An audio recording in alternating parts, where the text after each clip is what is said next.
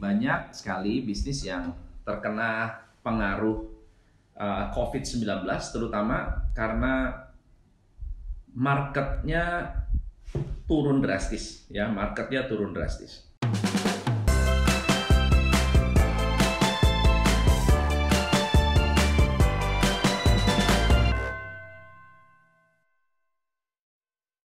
Ada sebuah research yang dilakukan oleh uh, sebu uh, apa namanya oleh salah satu universitas di China di tiga bulan ke depan dalam tiga bulan ke depan ya Tsinghua University uh, 85% UKM akan bangkrut dalam tiga bulan ke depan dalam tiga bulan ke depan uh, bangkrut dalam arti kehabisan cash flow kehabisan dana.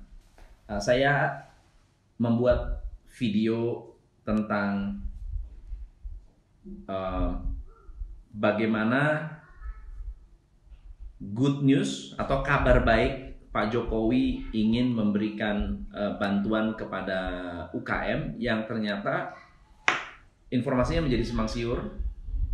Lalu kemudian uh, banyak sekali yang kecewa karena tidak mendapatkan support dari bank ya dengan berbagai macam alasan. Kita tidak bisa intervensi karena tentunya bank itu memiliki apa? Memiliki hak atas diterima atau ditolaknya uh, seorang nasabah. Sama seperti pada saat Anda mengajukan kredit, Anda diterima atau ditolak itu bank memiliki hak 100%. Nah, tetapi mari kita berbicara tentang efek.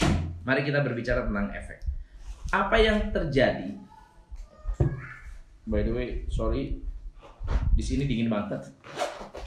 Um, apa yang terjadi apabila UKM benar-benar kehabisan cash flow? Yuk kita pikir bareng-bareng. Saya ngajak teman-teman untuk berpikir dan juga uh, melihat efek dari uh, keputusan presiden untuk uh, pembatasan berskala besar. Ya, tidak ada lockdown. Saya nggak tahu namanya apa, karantina wilayah atau bukan, tapi yang pasti akan terjadi banyak sekali uh, pengusaha, termasuk orang-orang yang bekerjanya harian ya, ojek online, uh, yang tidak boleh bawa penumpang, tidak boleh berkumpul lebih dari lima orang. Um, lalu kemudian um, kondisi kondisi uh, bisnis yang semua serba dibatasi dan semua orang harus ada di dalam rumah sudah pasti akan mempengaruhi yang namanya cash flow. Untuk solusi, menurut saya, menurut saya ada tiga solusi besar. Solusi ya dalam skala besar yang akan membantu kita UKM untuk bertahan hidup, minimal bertahan hidup. Cara pertama adalah dengan menyelamatkan diri. Cara pertama, menyelamatkan diri. Menyelamatkan diri artinya apa? Anda mengutamakan keselamatan hidup Anda. Ya mengutamakan keselamatan hidup Anda. Masing-masing punya tanggung jawab hidup masing-masing deh. Ya, karyawan punya tanggung jawab hidup masing-masing. Perusahaan punya tanggung jawab hidup masing-masing. Kita berbicara masing-masing. Artinya, Anda akan melepaskan karyawan-karyawan Anda, Anda membiarkan karyawan Anda tidak memiliki pekerjaan, sama-sama tidak punya income, ya, tidak membebani siapa-siapa, lalu masing-masing lepas tangan. Ya, Nah, ada perusahaan bahkan yang sudah negosiasi dengan bank, tapi bank tetap menolak. Dan akhirnya perusahaan itu tidak membayar. Jadi memutuskan untuk tidak membayar hutang bank. Karena ketika dia membayar hutang bank, dia tidak punya uang untuk hidup. Oke. Cara yang kedua, teman-teman, adalah menggunakan manfaat atau memanfaatkan tren yang sedang terjadi untuk mendatangkan cash flow. Tren yang sedang terjadi apa? Bikin APD, jual APD, bikin sumbangan dan lain-lain sebagainya yang dilakukan oleh oleh teman-teman di luar sana untuk membantu uh, aparat petugas medis untuk mendatang, mendatangkan baju APD, masker atau apa pun yang memang uh, ber apa ya uh, bisa menjadi me, me, dijadikan cash, dijadikan dijadikan uang itu dilakukan. Oke. Okay? Bekerja sama dengan lembaga-lembaga yang ingin mencari sembako, lalu Anda menyediakan sembako.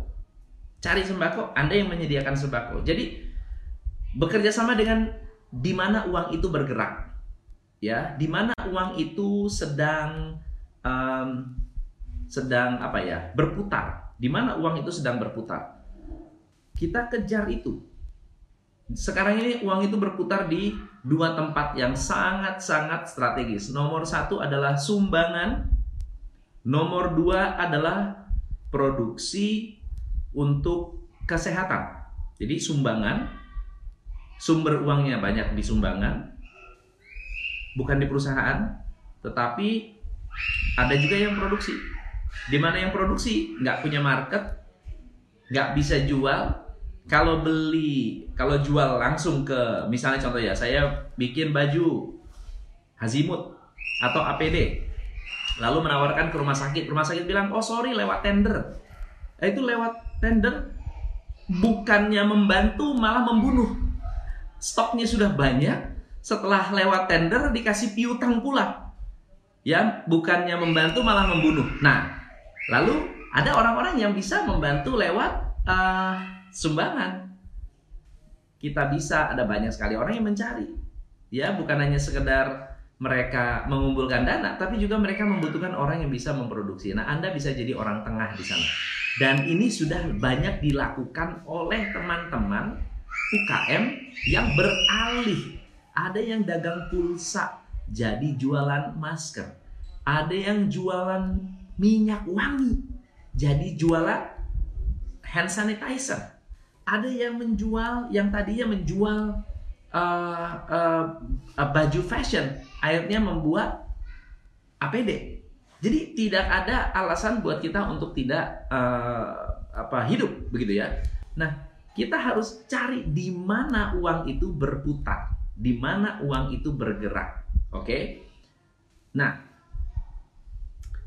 faktor yang ketiga adalah peranan pemerintah uh, China, Perancis, eh, negara-negara di Eropa memompa uang untuk membantu mendukung uh, eh, UKM. Oke, okay? dipompa uang, diberikan tun, uh, apa ya uh, uh, pinjaman sangat-sangat lunak. Kalau di China bisa sampai um, 42 miliar US dollar untuk me, apa ya untuk mendukung para UKM yang bisa mensupport, mendukung dan akhirnya membuat UKM ini bisa hidup kembali, bisa produksi lagi, bisa rekrut karyawan lagi, bisa mengurangi pegawai lagi, mengurangi uh, uh, apa namanya pengangguran, mengurangi pengangguran. Kalau saya bisa memprediksi ke depan, uh, jika ini berkepanjangan, ya teman-teman, nomor satu pengangguran akan langsung meningkat. Hari ini pengangguran akan langsung naik, ya. Makin tinggi pengangguran, makin tinggi tingkat kemiskinan, sudah pasti ya. Tingkat kesulitan akan semakin berat. Oke, setelah tingkat penganggurannya meningkat, bisnis-bisnis akan mulai tidak produktif. Ketika bisnis tidak produktif, pendapatan masuk ke negara ya GDP kita pasti akan turun. Investment akan turun. Konsumsi akan turun. Um, produksi akan turun. Efeknya negara kita akan collapse. Ya, ekonomi kita akan collapse. Jadi bukan kita mendoakan tetapi ini adalah cycle-nya. Tapi kita bisa menciptakan reverse cycle. Ya, kita menciptakan reverse cycle. Reverse cycle artinya apa?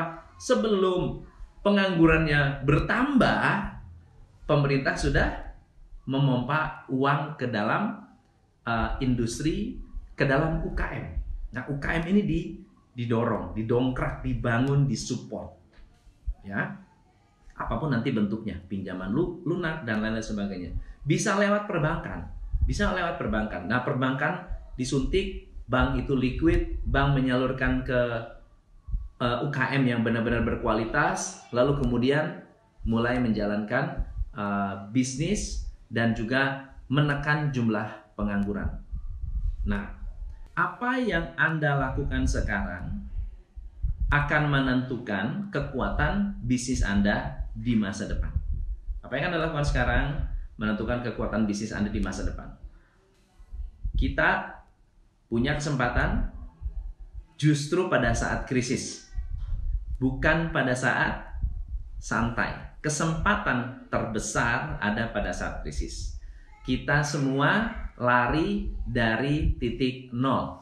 Semuanya start dari titik nol. Tidak ada yang punya uh, kesempatan lebih banyak atau kesempatan lebih sedikit. Tapi kita semua bisa melakukan hal yang sama. Thank you so much. Semoga bermanfaat. Selamat malam, saya Tom MC Play. Salam pencerahan. Hanya di Top Coach Indonesia.